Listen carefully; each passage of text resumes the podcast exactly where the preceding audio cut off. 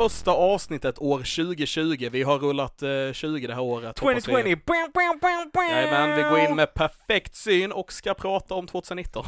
För nu har vi två perfekt syn på 2019. Nu tog jag ditt skitdåliga skämt och använde det och använde som mitt egna skämt. Det är okej, du får ju alltså. Let the hate flow Det är okej, det är okej. you. Men eh, ja, så det här... Eh, Jag hängde inte alls med om det här med synen, men du menar att vi har jättebra koll på vad som hände 2019 för att det är 2020 nu? Dels ja, och sen 2020 vision betyder att det är perfekt, att man har Ja, perfekt, perfekt, syn. syn, ja, okej, ja, ja. Och det är Eh. år 2020. Och på engelska med, ja. Precis, Mm. och sen fick jag in att vi har rullat eh, natural 20 där också.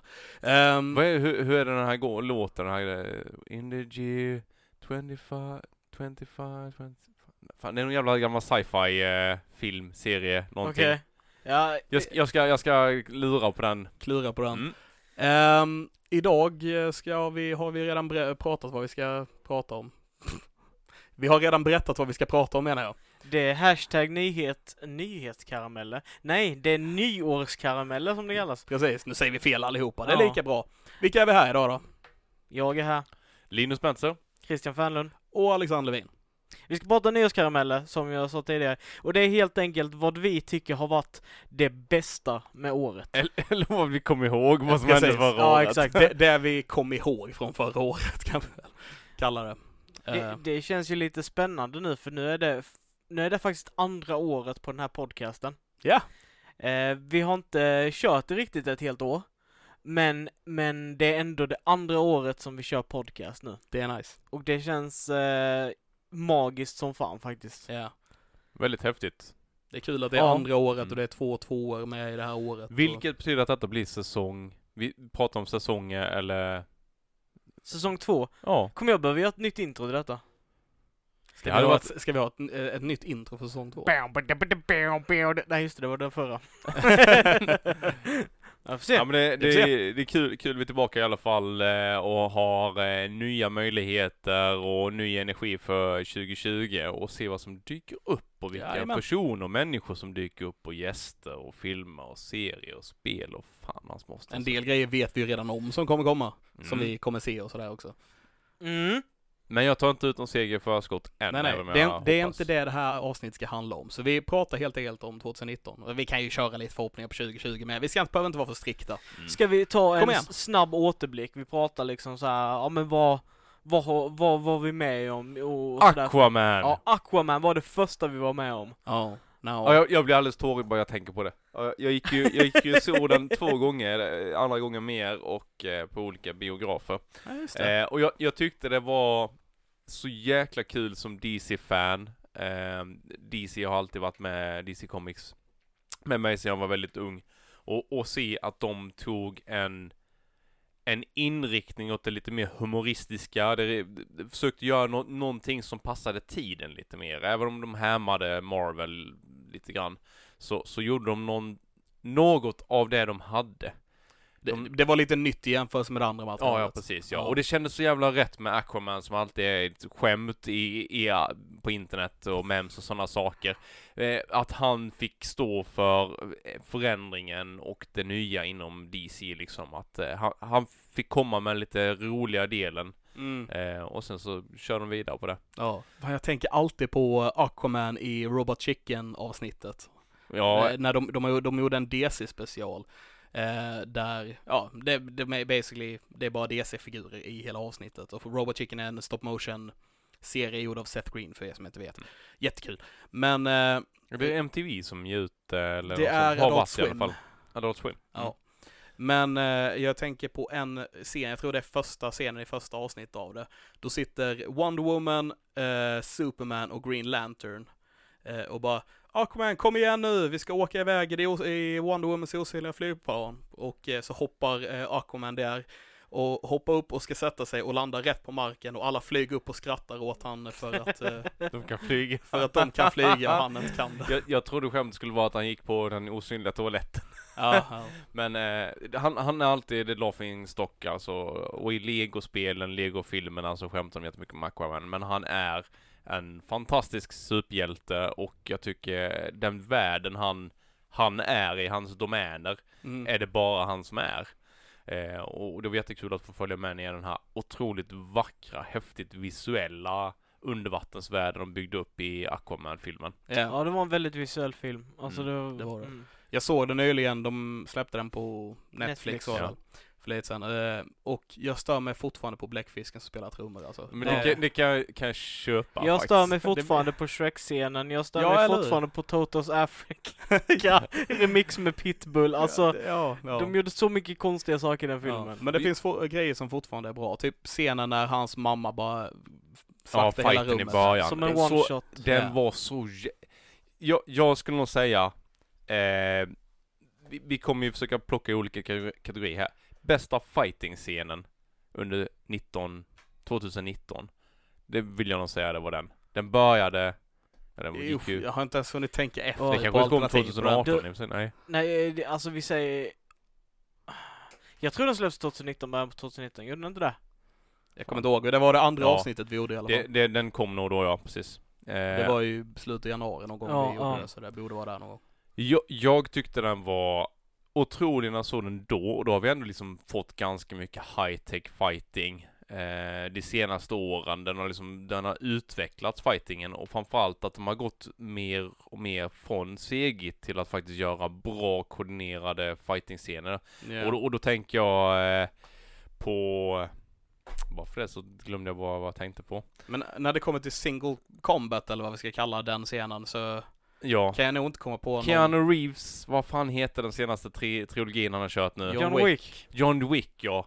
Också fantastisk fighting. Och det var ju även i Aquaman då när eh, Aquamans morsas ja, drämde skiten ur massa jävla det, är årets liksom så här fighting scen eh, och då är det visserligen one versus many men jag som precis sett Witcher-serien, det finns en sekvens där han blir liksom the butcher of Blaviken. Just det, Eh, ja. När han går genom staden är typ en av de snyggare koordinerade fighting-sekvenserna som jag sett mycket länge. Mm. För han bara overpower allihopa hur lätt som helst men det är fortfarande jävligt snyggt. Alla hans slag har ett purpose, det är liksom inte onödiga flourishes men det är fortfarande väldigt snyggt gjort. Och, och det är inte så mycket flackande. Det har varit mer och mer att de ska hålla på och snurra på kamerorna och det ska vara korta blick, alltså bild, bilder. Jag tycker jag, jag saknar det gamla som vi fick se det här i Aquaman och även John Wick och sånt. Där du har kontinuerliga, liksom en kameravinkel eller ett par stycken, att du följer med, att det inte Att det inte är sönderklippt. Inte sönderklippt ja, för Ehm. jag blir, ja, fan jag får nästan sådana här tics ibland när jag ser film när det klipps för mycket. Mm.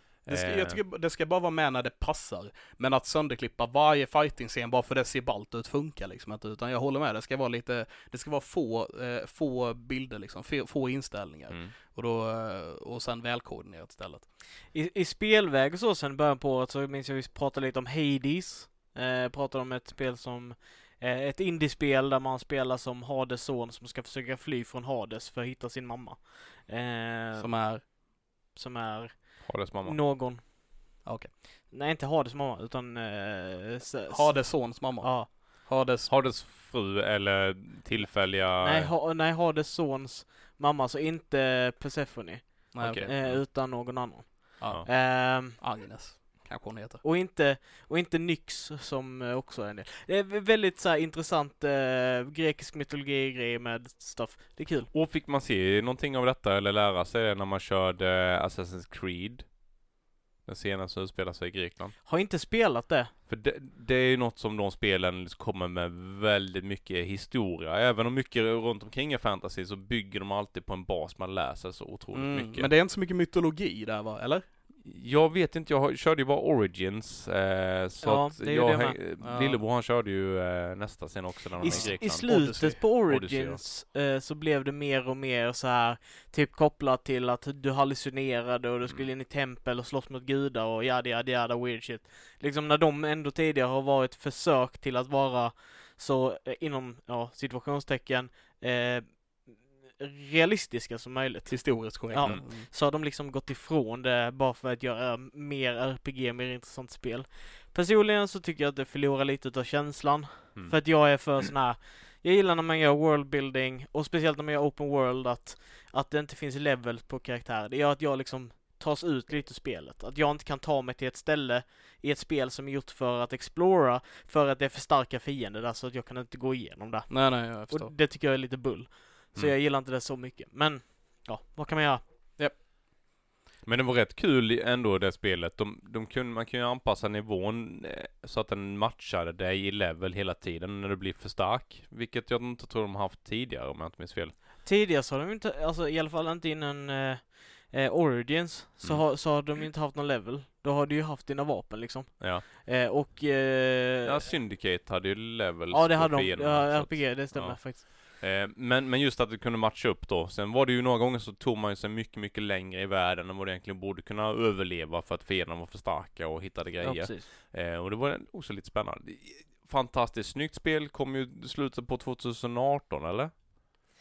Det, men, Eh, Origins tror jag det. Jag tror Odyssey Ja. kom i år, ja. eh, förra året ja. Ja. Så är det ju.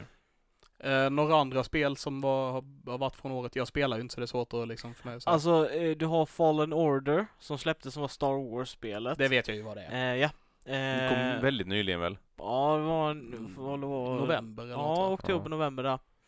Eh, och sen har vi också Sekiro Shadows Die Twice Mm. som var vann Game of the Year i år. På Steam ja, Mm. så det. Yes, och sen släpptes ju även, eh, Death Stranding som vi pratade lite om här. Som Det har vi haft typ ett helt avsnitt Ja. Ja, och sen en Mm. lite förlängning till andra med. Oj. Ja, Så det- faller grejer. Släpper Ja, vi inte prata sådär Och jag, jag läste faktiskt att. Mads Mikkelsen fick en eh, Best Performer, eh, alltså så här mest, Best Actor in Gaming Ja, Award för det. För den rollen han gjorde där. Grattis till honom. Eh, så vi har fått en hel del spel, jag glömmer säkert bort saker. Har vi, har vi pratat om Fallen Order någonting? Vi har pratat lite om Fallen Order. Ehm, jag, jag vet inte, vill ni, vill ni höra om Har det? du Ja, spelat det? Nej, jag har inte spelat det. Jag har bara tittat trailern på typ eh, Playstation online-storen liksom. Ja. Det är ju, det är ju eh, lite januari nu, eller mellandagsrea, så att jag har faktiskt börjat spela lite konsol igen. Det är roligt. Ja, det är Mm. roligt. Mm. Eh, nej men det, det som man kan säga kortfattat är ju att du spelar en, en, eh, en padawan eller en jedi som har överlevt Order 66 eh, och arbetar som en scrapper på en, på en planet, en tidigare eh, typ rebellplanet som har blivit övertagen utav eh, Imperiet. Mm. Och du scrappar liksom stora eh, skepp för att ja, de ska bygga ihop till, till, till Imperiet. Eh, Och Padawanen spelas av eh, Jokern från Gotham. är det så? Eller det är samma skådespelare, jag kommer inte ihåg vad han Mm. heter men eh, han spelar Jokern i Gotham också. Coolt. Mhm. Ja. Eh, anyways, på grund av anledningen så använder du din force power och du blir upptäckt utav då eh, the inquisitors som kommer för att ta dig. Eh, och du, där blir du räddad utav en ex-jedi som eh, sänder, sänder dig på, en miss, miss, eh, på ett mission för att hitta koordinaterna till alla potentiella force sensitive unga i galaxen. Eh, och eh, ja, där tar resan eh, igång och sen ska du då resa till olika ställen, typ Kashyyyk och Mm. minns inte vad det andra heter. Men skitsamma, det är Träffar man Chewbacca. Lite äventyr eh, också då. Ja, det är, det är äventyr, men det är lite spelstil som eh, Dark Souls, alltså Mm. försöker de implementera. Det tråkiga med det spelet var ju dock att eh, det var EA som publicerade, så de har förmodligen väldigt tajta deadlines och det gjorde att det inte kändes så pub, eh, polished. Det var väldigt mycket med spelet typ som kändes buggigt och konstigt och eh, Det Sam- Samtidigt har man hört att det är jättesnyggt. Ja. Men inte riktigt färdigt då. nej, det kändes inte färdigt. Mm. Okej. Eh, och det var lite tråkigt. Eh, och sen så tyckte jag ju att just för att de valde att göra det som ett Dark Souls-spel eh, så saknade jag lite det här med att du kunde göra så att du gör mer skada och sådana här saker utan det var ganska linjärt på alla de här sakerna med hur man låser upp vapen och sådana här prylar. Ja, ja. Mm. Det låter ändå spännande. Det såg skitsnyggt ut när jag kollade bara på liksom trailern, men... Eh, Jag har hört bra var lite grejer. dyrt, så att, Ja, lite ja. få fiender. Okej. Alltså kändes det som ibland. Eh, det, var väldigt, det var typ samma fiende om och om igen liksom. Aha, ja. Eh, och det var lite tråkigt. Men eh, ja, ja. Jag, kul. bara, jag bara kom att tänka på en grej där. Han som just spelar då den här Padawanen, som också spelar Jokern i Gotham. Han är så här, kommer väldigt nära men aldrig riktigt där känns som. Förstår du vad jag menar? Han spelar Jokern i Gotham-serie som inte riktigt tillhör DC-universumet. Ja. Och han spelar en Padawan i ett Star Wars-spel. Liksom, det, det är aldrig, han kommer, han kommer aldrig Ja, riktigt men- upp på nivå, men han är väldigt nära på allting. Hashtag spoilers, han blir en jedi i denna. Okej, ja. För Men hon- fortfarande, det är ett spel och inte en film. Om ni förstår vad jag menar. Ja, jag förstår. roligt så blir man en liten Sith istället, vänt sida. ja, men vi har redan den berättelsen. Ja. Eh, nej, det, eh, slutet var lite tråkigt tyckte jag. Men annars är det jävligt coolt. Eh, Ja, så. ja. Och Sekiro Shadows Die Twice, som är en av mina absoluta favoriter i år i spelväg. Eh, som jag körde ut två gånger. För att jag var tvungen att ha det bästa slutet, för att jag fick inte det bästa slutet första gången. Så jag var tvungen att spela igen det en gång till, för att få det bästa slutet. Mm. Kul! Vad har du spelat för någonting då Levin, i år? Brädspel. Mm? Vad har du spelat för Eh, brädspel? Gloomhaven, eh, Ja, väldigt vi. mycket. Ha, Ehm, har ni hunnit köra klart det spelet ni började på? När Nej. vi började på, det, det om kommer ta några år att spela klart det, typ. Vi har spelat hela dagen idag, Ja. kan jag säga, och kommer spela här efter också. Mm. Eh, och vi är på eh, kanske scenario 20 någonting eller något. Mm. Och det är av 97. Ja. Och vi har spelat ganska länge som sagt så. Har, har, ni, har du hunnit starta något nytt eh, rollspel med eh, det du köpte på auktionen här under... Eh, Inte något av dem, just nu spelar vi eh, Dungeons Dragons 5e. Ja, och han har bara nästan dött. Jag har bara nästan dött. nästan dött? Eh, andra har dött. Jag har bara, jag har precis klarat mig. Ah. Ehm, sen har vi kört ganska mycket Firefly-spelet som jag fick när jag fyllde Ja, år där vi, Det, det förstår jag ju. För det var jätteroligt. Ehm, men det, det, det är väl det, annars har jag inte spelat sådär Ja. jättemycket. Var det några tillägg till den också eller? Till Fireflyet? Ja. Det finns men jag har inte dem. Nej, för det fick testspelade vi ju en, en kväll efter en, en träff vi hade och det var Precis. vansinnigt roligt. Jag blev Ja. väldigt fängslad av det. Jag tyckte det var, var kul. lite mer reavers och man Mm. eh, fick eh, expanda universumet lite grann. Man fick Mm. lite fler planeter och sådana grejer i eh, någon av expansionerna i alla fall. Men det var, var kul. Kul spel. Så snyggt ut. Det var roligt och har man sett eh, Jättekul. serien och eh, filmen så blev det ju en nivå till. Ja, och så sjukt nostalgisk som man blir när man ser Ja, kan Alltså för de har ju bilderna från serien och filmerna liksom Mm. som, man, som är inlagda i det då. Plus att alla planeterna och allt sånt där. Man blir, det, det är en väldigt speciell känsla om man har sett serien och filmen. Det, det blir en nivå till egentligen. Och det, och det är ju, är apropå det, nu, nu kommer jag ta och prata om ett spel som eh, släpptes 2018. Men som jag nyligen började spela här nu när eh, mellandagsrean satte igång och det var eh, Sword Art Online Fatal Bullet. Som är baserad på den tredje serien i, i Sword Art Online-spelen. Det som, är det som är en shooter då. Ja, som en shooter. Eh, du kan även köra med fotonsvärd och swinga och grejer.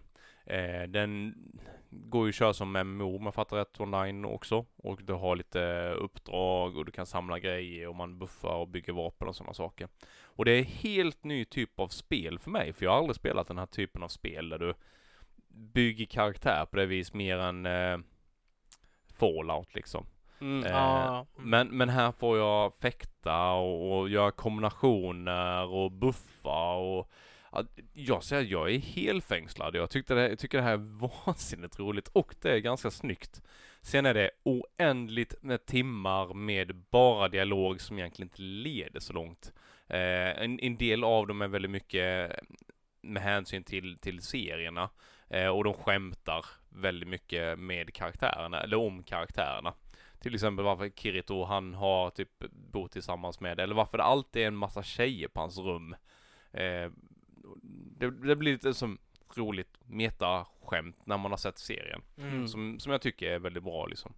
Eh, så att eh, skitroligt. Vi får se hur, hur länge jag klarar av det här. Det är faktiskt ganska svårt eh, spel eh, när man bara kommer in och inte fattar allting. Men det börjar komma igång nu. Ja, det är bra. Härligt. Kul. Så roligt att skjuta lite och fäktas med svärd när man känner för det. Det är ju alltid roligt. Vad har mer hänt eh, nu om vi ska kolla liksom året? Lite så. Ja, det har ju kommit ganska mycket filmer och grejer. Ska vi gå in? Och en, del- och en del drar serier. Umbrella Academy var i år också. Umbrella Academy yes, var i år. började ju året med nästan. Jajamän. Ja, den var tidigt. Ja, de har, eh, jag vet inte om det är färdigspelat men de har ju åtminstone börjat spela in säsong två. Det finns så mycket saker som de bara typ teasade om, som de bara sa till oss bara de här svaren kommer ni få innan första säsongen är slut.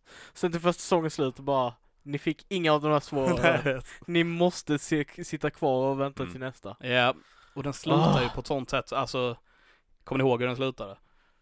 Ja, den Ja. slutar ju på ett sånt sätt så att man verkligen så här undrar om de kommer köra en typ timeskip nu när de är att de har vuxit upp Ja, där ja, ja. i deras kroppar och liksom blivit vuxna igen. Mhm.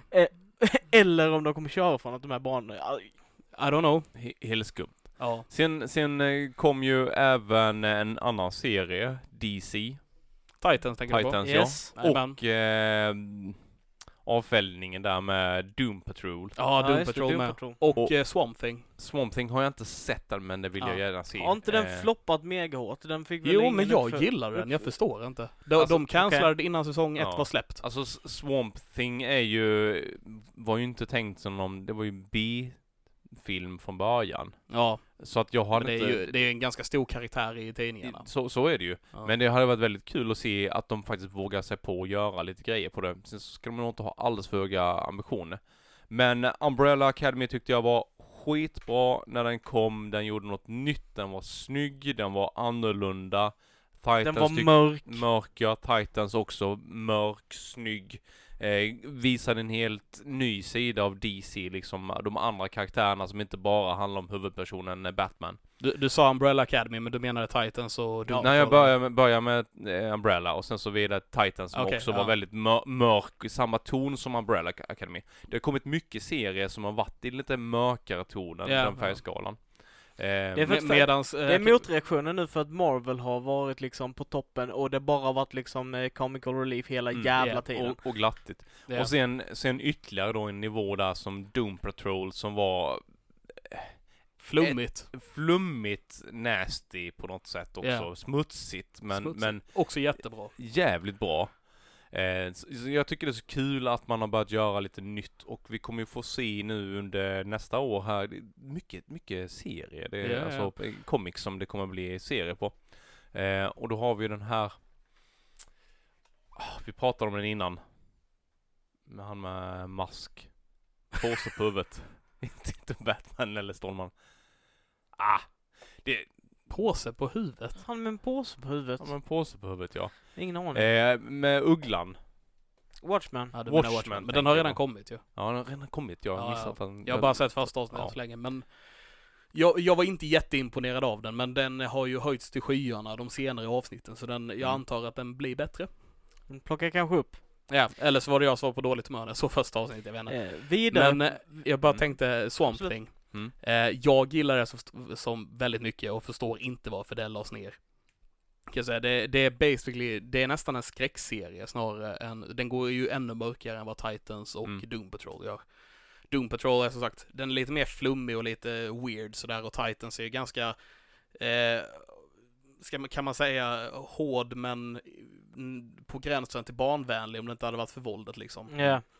Eh, Medan Swamp Thing är mer eller mindre en, en, Rysare. en, en rysare. Ja. Ehm, Jag, jag tror det är att folk förstår inte den riktigt. De har inte relationen till nej, så kan det Thing. vara. Och för jag, jag som eh, är helt eh, egentligen, eh, vad, heter det?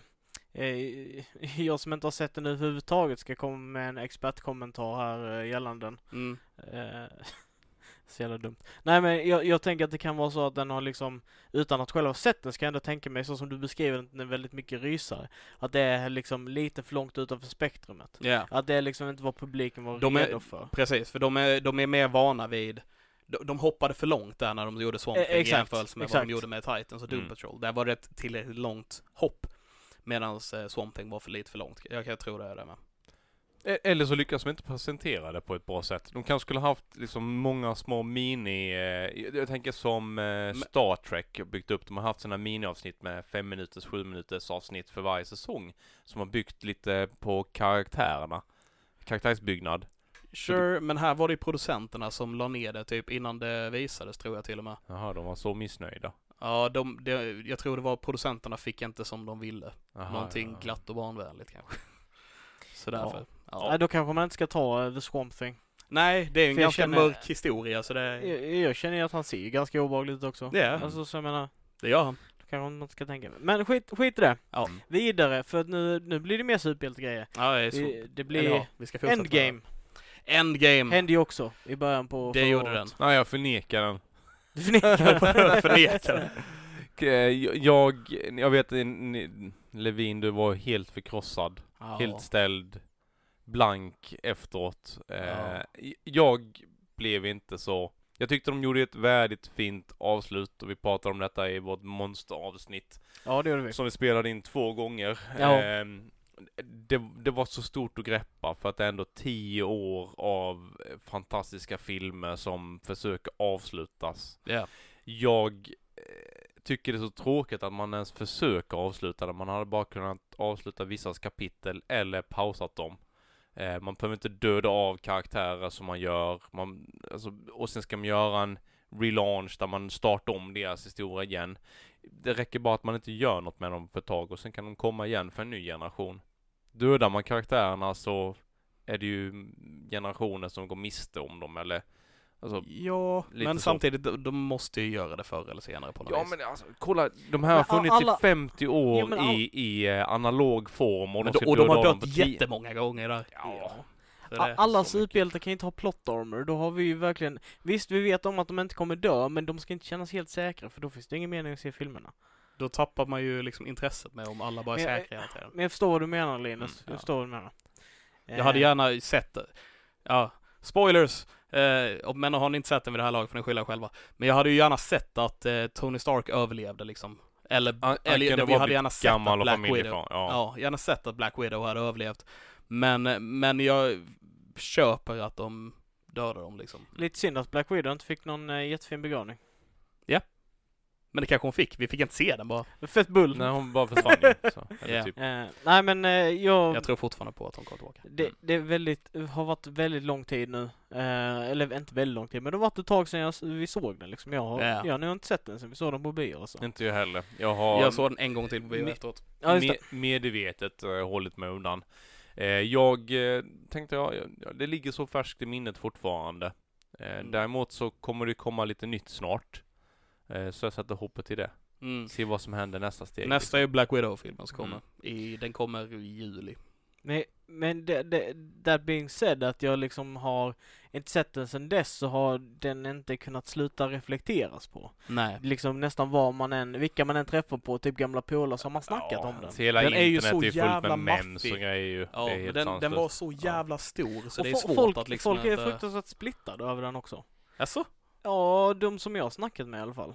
Det har nog inte jag upplevt alls i och för sig men... Jag, Nej men jag med- snackar ju inte om kritikerna liksom på, så på nätet eller så här, gemensamt. Men jag har ju polare som bara absolut avskyr den av Mm. hela sitt hjärta. Som tycker att det är det sämsta som de har sett. Wow, liksom. jag har inte träffat en enda sån Nej, människa. jag jo, men jag, jag har träffat flera stycken. För det så tycker de att de, de, vad jag, de bundlar ju upp alla tjejerna som gör massa konstiga fighting-scener. En del tycker jag är jättebra att de får ta plats. Samtidigt så ger man dem alldeles för stor plats på vissa sätt, kan en del tycka. Eh, vissa saker som görs gör de lite upplägget lite konstigt när de har visat. Till exempel då som eh, eh, Captain America, nej vad heter hon? Eh, Marvel, Captain Captain Marvel. Marvel, hur, hur jävla overpower hon är. Samtidigt så tar hon inte den platsen hon egentligen borde ha i den här filmen. Men visst, hon, hon var inte så stor. De visste ju inte om hon skulle floppa eller Nej, eller de spelade in henne i den här filmen innan Precis, de gjorde innan, innan de gjorde andra där.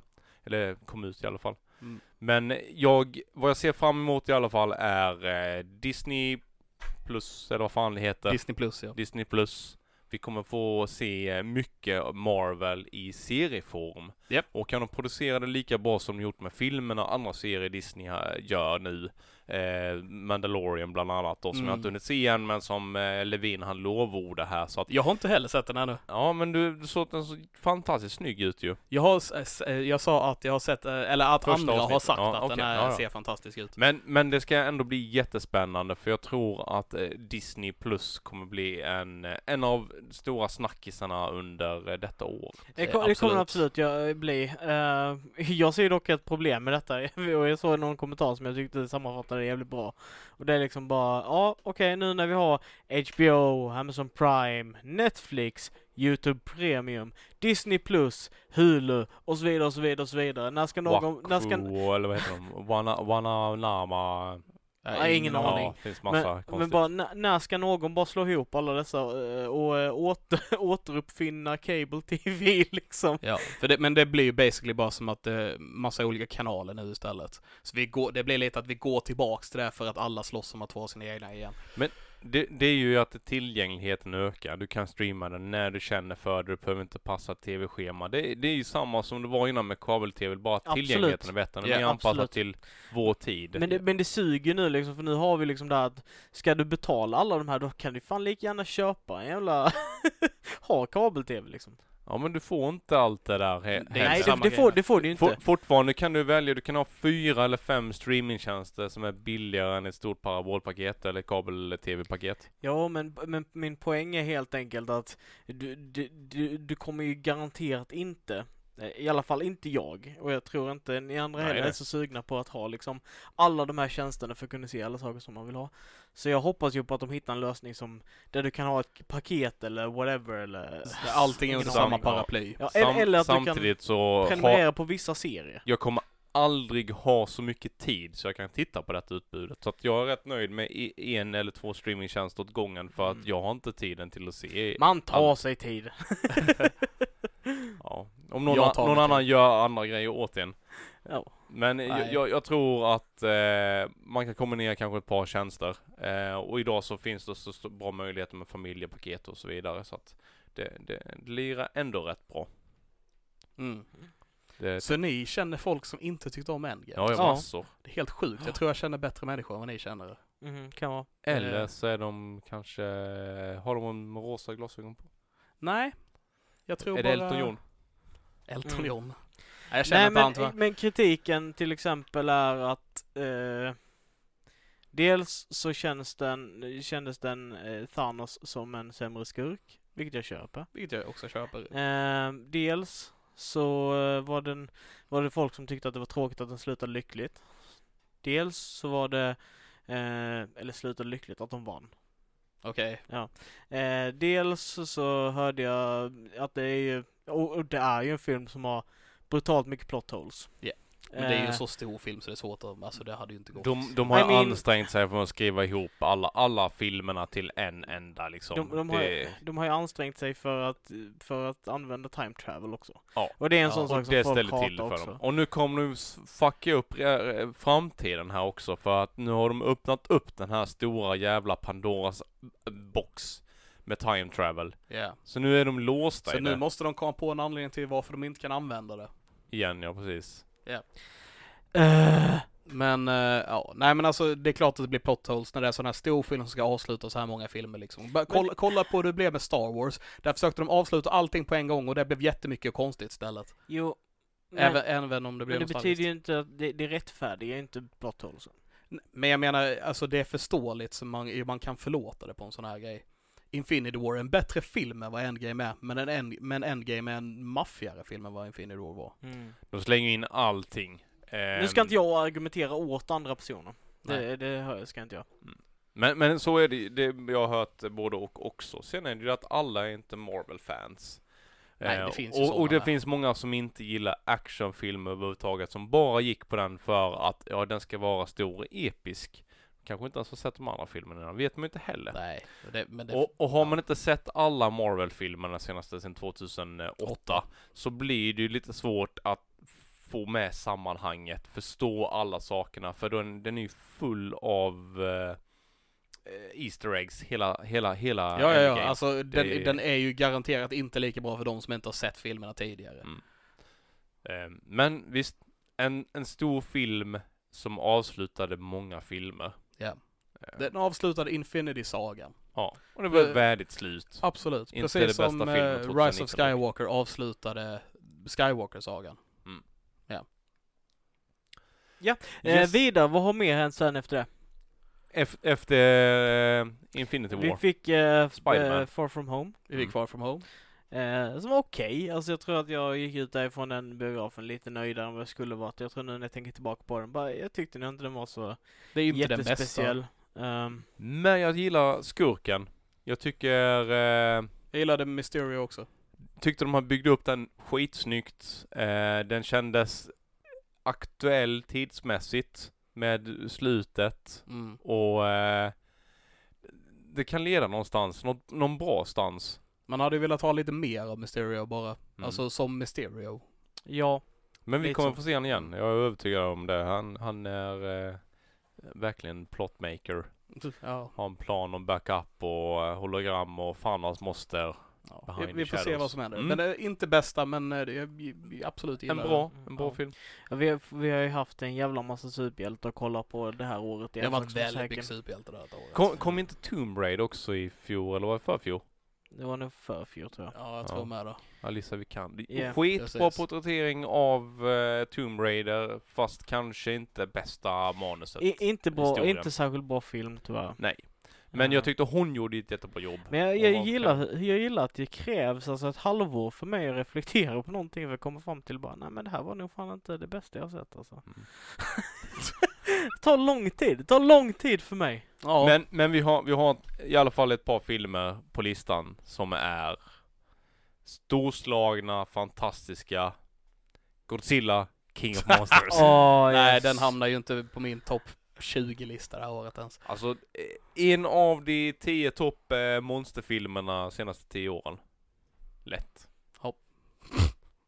Kanske det. Jag tror inte jag har sett så många monsterfilmer bara. Inte jag heller. så ja, jag håller med dig där Linus. Per default hamnar han nog på topp 10. Ja men de, det finns ju det här paradox och alla de här med konstiga aliens som inte syns och det är, ja.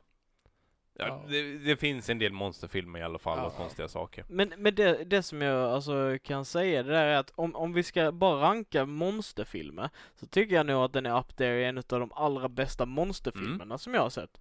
Men, men om man ska se det på andra filmer så är det inte en topp 20 bästa filmer jag sett. Nej, Alltså så. nej, kanske inte det. det jag, jag, man har sett mer bättre filmer, men den är fantastisk monsterfilm, den gav mig exakt vad jag ville ha.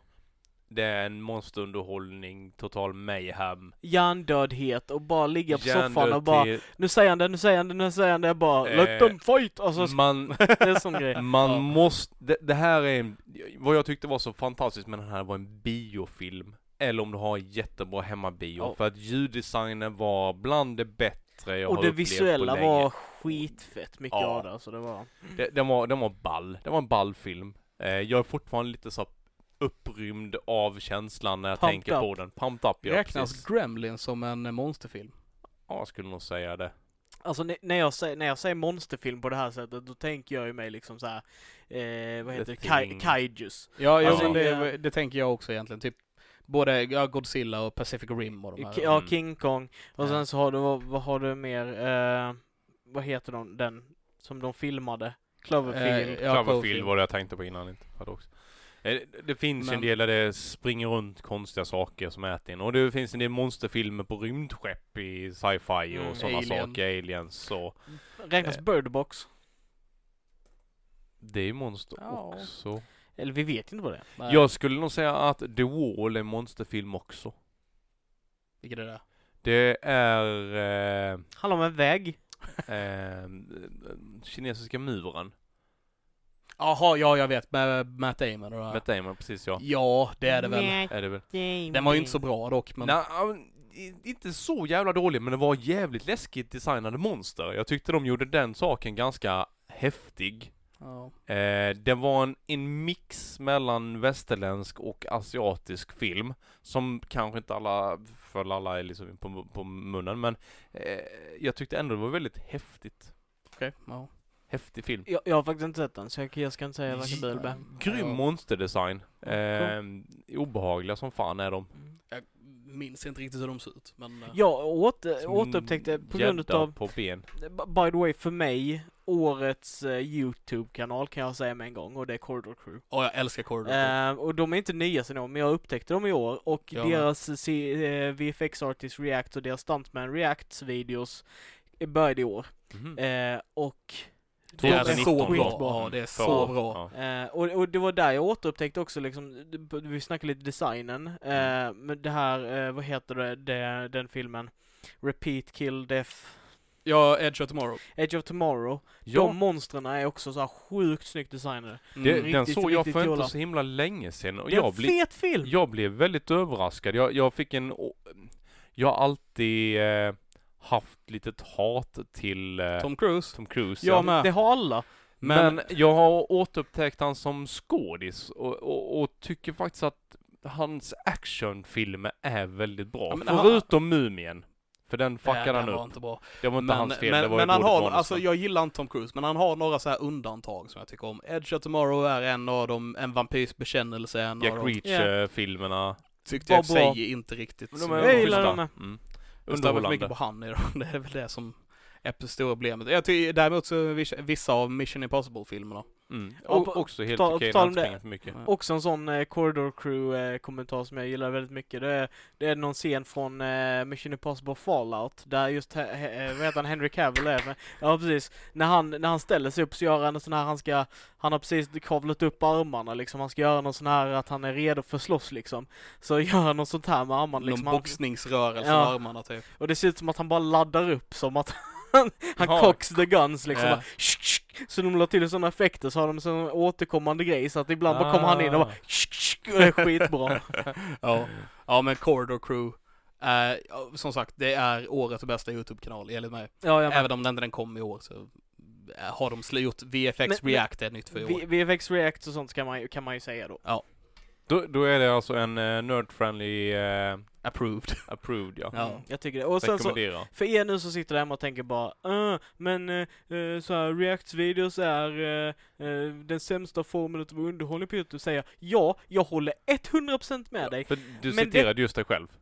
ja, eh, men ja det gjorde jag. Men grejen är den att Corridor Crew, att det sitter faktiskt och är kunniga VFX-artists och de gör det inte så här react som Det är att inte de, så mycket reactions, det är mer att de, de förklarar hur saker har går till och hur de går har igenom dem, de förklarar hur, det, hur det är skapat och varför det är bra eller varför det är dåligt eller varför de reagerar som de gör på de olika sakerna. Ja. Sätt kontext på grejerna, vilket gör att jag har fått en helt annan uppskattning för Titanic, Lord of the Rings, Mhm. Avatar, alltså alla de här sakerna Ja. är, är på en helt annan nivå för att jag förstår varför de är så häftiga nu. Ja. Alltså så här, Och varför en del saker inte är så bra också kan jag tänka ja, mig. absolut. absolut. för de, de lyfter väl båda sidorna. Ja. Och det är ju det som är så kul när det, det är ju kanske inte snarare en reacts to video, videos de gör utan snarare med att de behind the scenes förklarar hur tekniken fungerar.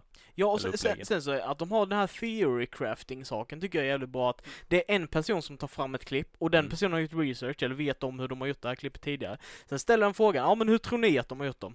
Så gjort sitter den. de andra två och så här diskuterar, eh, så här kanske de har gjort eller så här kanske de har gjort. Ah. Och så är det en som vet då. Och sen förklarar, så, så de gissar och sen så ibland så har de rätt och ibland har de inte rätt. Men Ja. oavsett så förklarar de det. Ja. Superbra. Superbra för det är er som gillar film. Mm, verkligen. Det var som när, när jag började i- jobba inom fotobranschen och sälja grejer och sådana saker. Då satt man och försökte lära sig vilken typ av bokeh och färger som olika objektiv och kameror hade.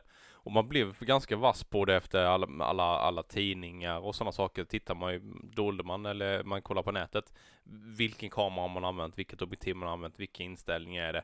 Men man kunde faktiskt urskilja väldigt mycket på hur detaljer återskapades, hur färgerna var, vilken kamera, vilket märke, vilken kamera, eh, vilket objektiv, vilken brännvidd, vilken bländare, ljusinställning, eh, om den var redigerad eller inte redigerad. Man, man fick ett väldigt bra hum om hur det ser ut och hur man har tagit bilden. Mm. Eh, För mig så låter det som en superkraft. Jag kan inte förstå hur man kan... Eh, mycket timmar på tåg kan Ja. jag säga. eh, vad är det? F- 50 000 timmar som man behöver ha för att bli typ supergrym på Ja, någonting. 10 000 är det va? 10 000. 10 000 är det va? Ja. Jag, jag la kanske inte 10 000 men 1000 timmar på, på den skillen. Mm, mm. Ja. Eh, Och det behöver man nog göra med. Mm. Det är övning i färdighet. Och, det, och det var ju roligt eh, när man hade ett, ett yrke och kunder som utmanade en. Det var liksom kul. Mm. Eh, så ibland, nu är det ju, har ju det digitaliserade, man editerar och redigerar bilder mycket mer idag än man gjorde förut. Man låter inte det enkla, simpla, autentiska vara kvalitet utan det allt ska på med filter och effekter. Och Ja, det, precis. det kändes så tråkigt. Jag kör ju en sån här eh, Huawei P20 eh, som alla sa när han skaffade den. Ja, jättebra kamera och sånt. Men bilderna känns syntetiska. Man ser att kameran redigerar sönder dem redan i direkt i. Mm. Du får effekter som kan se tilltalande ut men inte i detaljerna. Och sen framförallt får du väl en kompression också för att du ska liksom inte ta för mycket ut av mobilens lagringsutrymme. Så den komprimerar bilderna typ direkt. Det blir Ja, inga du, du, kan, du kan välja. Du kan faktiskt eh, ta RAW-format på Okej, den mm. också. Ehm, du kan ta riktigt stora filer. Eh, och mobil, mo- mobilkameran eller mobilsensorerna har ju blivit så jävla mycket bättre och det är framförallt det så fruktansvärd processorkraft i en mobil så de kan verkligen göra mycket med bilden redan där. Vi får Eh, väl se vad som händer med mobilkameror 2020 så fortsätter vi på nyårskaramellerna tycker jag. Ja men jag, jag har faktiskt med på nyårskaramellen här, eh, lite foto skrev jag upp. För jag tycker, eh, det, vi pratar, ja, vi har pratat väldigt lite, lite teknik i, i den här, vi är ju nördar av Ja. olika saker. Eh, Ja. Och jag tycker det är så roligt idag när eh, kompakta systemkameror verkligen har tagit sitt intåg. Vi har sett nu både Canon och Nikon lansera spegellösa fullformatskameror, vilket är jättestort. Det har tagit lång tid efter Sony liksom eh, gjorde detta för flera år sedan. Eh, Panasonic kom ju också från Micro Four Thirds så en fullformatskamera, vilket är då en stor sensor, den här saken som fångar upp själva bildkvaliteten. Den är, den är lika stor som en gammal filmruta när dina föräldrar framkallade film Mm. i fotobutiken. Eh, och, och det är skitintressant och det är väldigt kul för dels höjer det lite priserna på kamerorna men de, de här kamerorna har mycket, mycket längre livstid. Eh, den, den är inte inaktuell efter ett, två, tre år. Utan du får en livstid som varar nästan eh, fem till tio års tid på de här för det är så hög kvalitet. Och ju bättre objektiv du skaffar till den desto mer får du ut av kameran för kameran har så stor potential. Du sliter inte ut den om du inte jobbar som en yrkesfotograf. Och priserna har ju då också gått ner för att upp till nästan fyra generationer tillbaka kameror som Sony då, 7-serien, är fortfarande relevanta.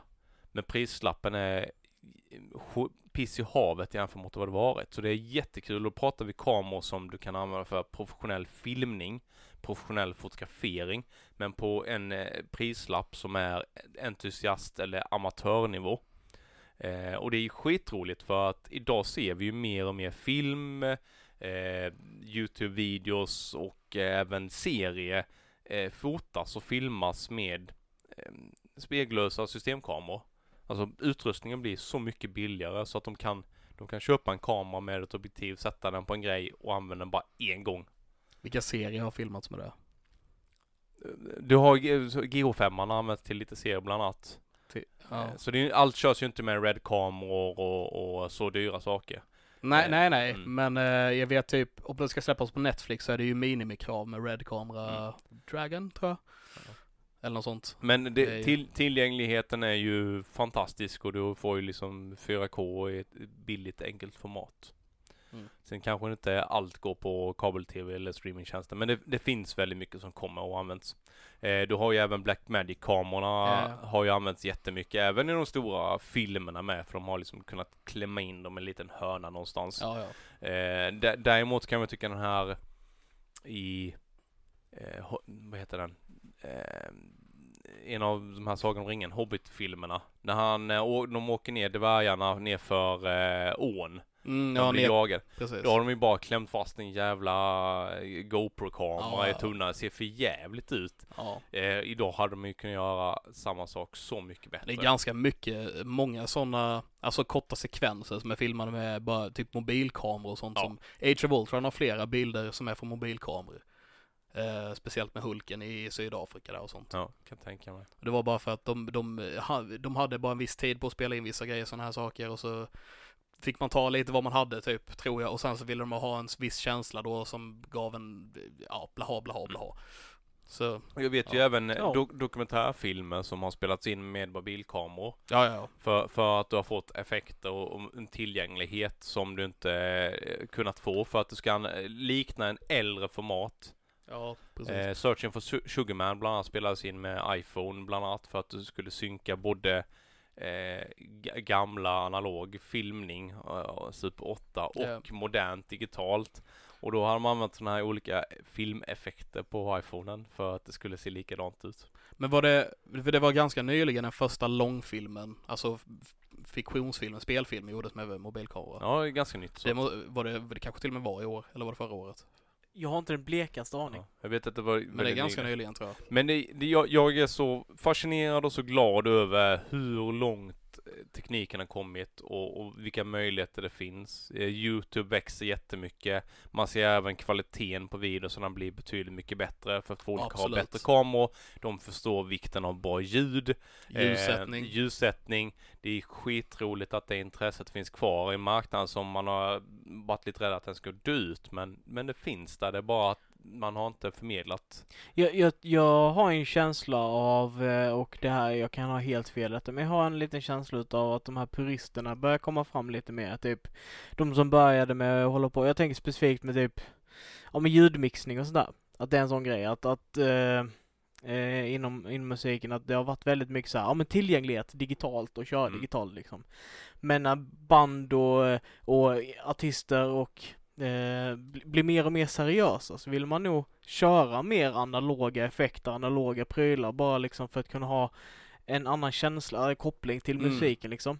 Och det, jag tror det är på väg med, med bild och sånt också. För det är som du Ja. sa att, att, att mobiltelefoner, de har liksom det här digitala som, som tar liksom bort mycket utav kontrollen. Mm. Och de här, eh, även för det är digitala liksom kameror så är de artificiellt analoga. De försöker att påverka så lite som möjligt för att få den renaste bilden. Eh, och jag tror, jag tror det ligger något i det. Jag har ytterligare ett exempel från Rise of Skywalker på den här grejen. Okej? Eh, jag är osäker på vad, om de har spelat in det på film eller digitalt dock, men eh, de har ju lagt på ett filter, alltså ett, ett konfilter för att, för att det ska vara mer likt originaltrilogin som spelades Mm. in på film. Ja, ja. Och, och även där använder de stop motion dockor och liknande till schackspelet och sådär, just för att det ska få en äldre känsla. Och det lyckas de med och det var ju en av grejerna jag tyckte om med den Ja, Det, filmen. det kan jag hålla med om. Jag, jag såg ju filmen på en annan biograf då, eh, lillebror. Han tyvärr inte var med på avsnittet, det blev för mycket den veckan. Eh, men jag tyckte att här hoppar de tillbaka och ville få eh, ursprungstrilogin, känslan i färg, eh, effekterna framförallt. Mm. De kändes superanaloga. Eh, och det var samtidigt tråkigt men också uppfriskande att man vågade Ja. göra en sån sak. Men tror, tror ni Jag- att de analoga effekterna liksom, att de tar revansch nu? Jag Ja, tyckte ja, bara absolut. det var positivt, så det är helt okej för mig. Alltså jag menar vi har fått Dark Crystal som är liksom nästan helt Kom- analoga ja, ja, ja, också grejer liksom. Eh, men, jag men, hoppas verkligen på det för, vi- för att Men också tack vare Corridor Crew har vi fått en helt annan eh, uppskattning för de analoga prylarna Mm. liksom. Men sen får vi se lite grann, för det finns ju de som, jag tänker på just till exempel att gå tillbaks på och spela in det på film och sådana grejer. Det finns ju de som aldrig har slutat heller.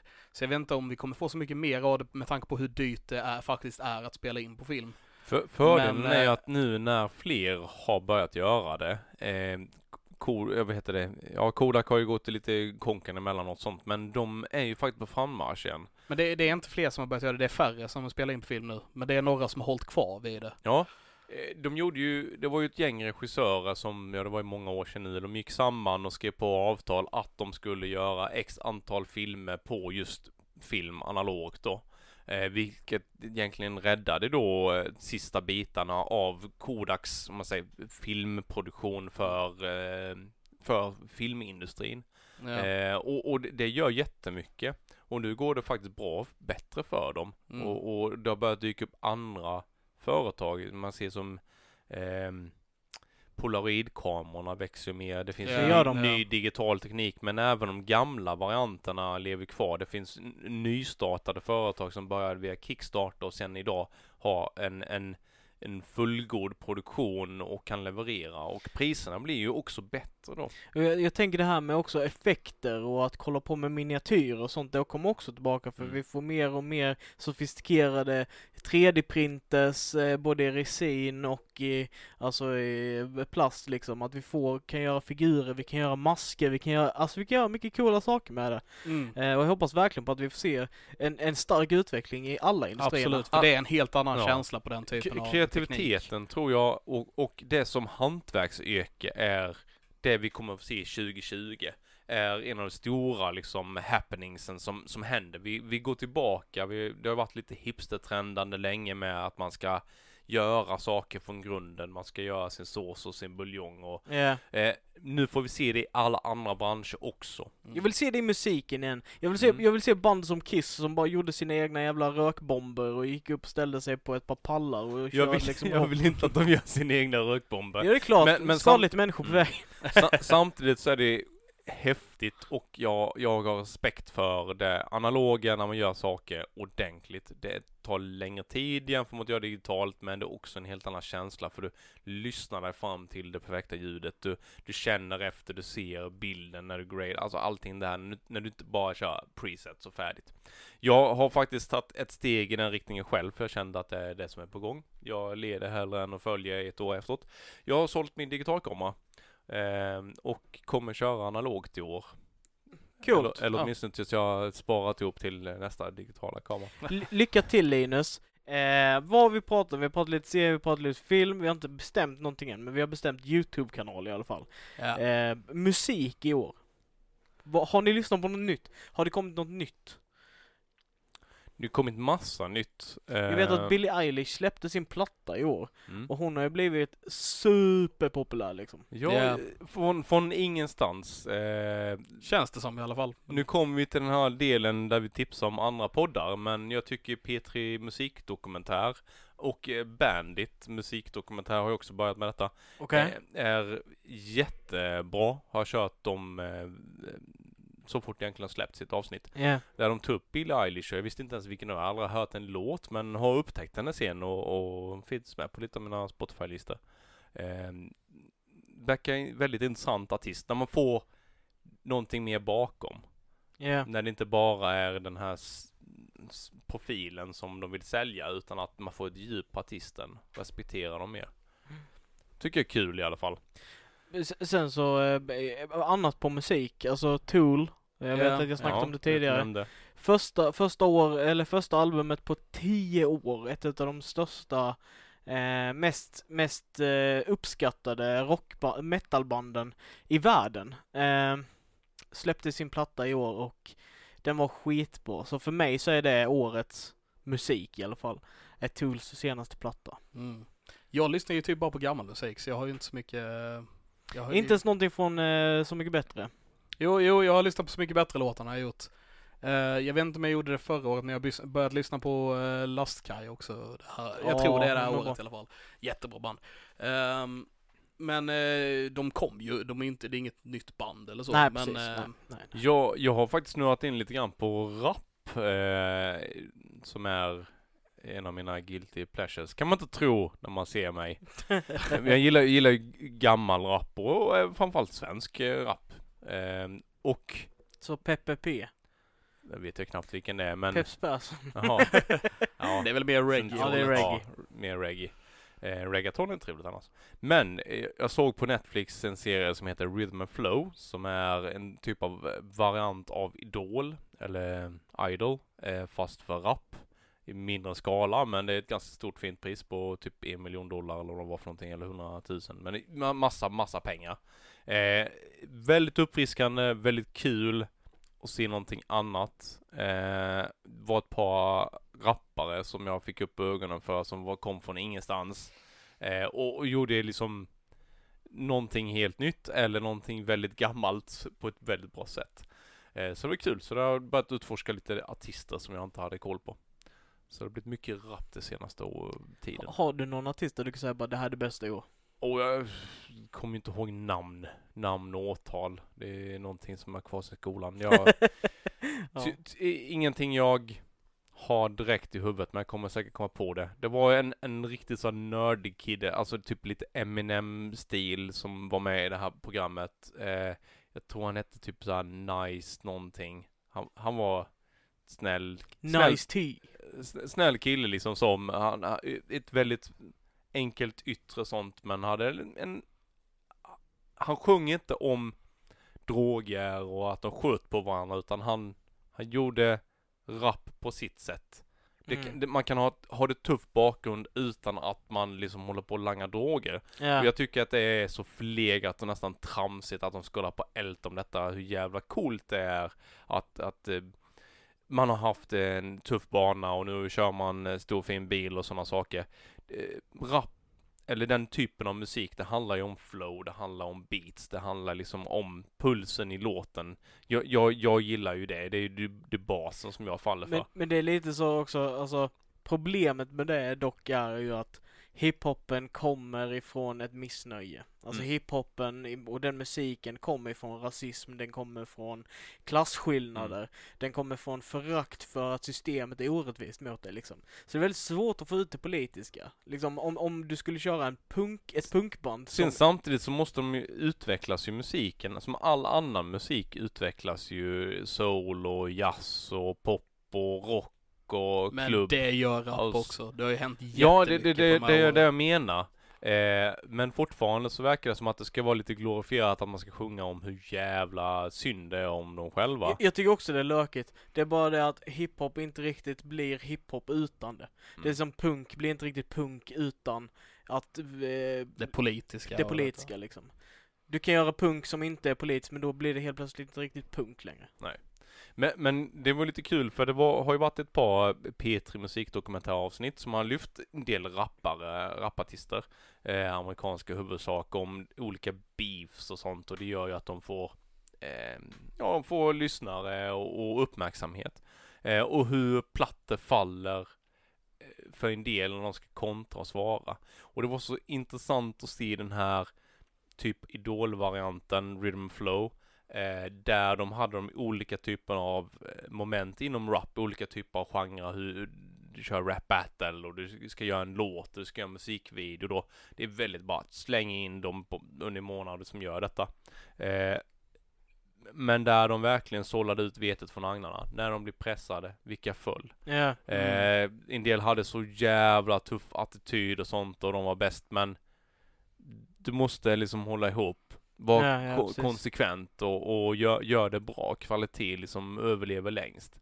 Eh, sen hade en del image som de kom lite längre på men det föll till slut. Det Ja, var... Mm. För det de var- andra var så mycket bättre. Och på tal om det. Eh, förlåt, jag bara... Jag har inte sett eh, Nej, årets. Du har inte gjort det? Nej. Jag bara tänkte, vi har sett det i alla fall du och jag. Ja. Jag tänkte, vad, har vi några bästa, någon så här bästa tolkning från i år på det? Lev nu, dö sen med Miss Li. Yes.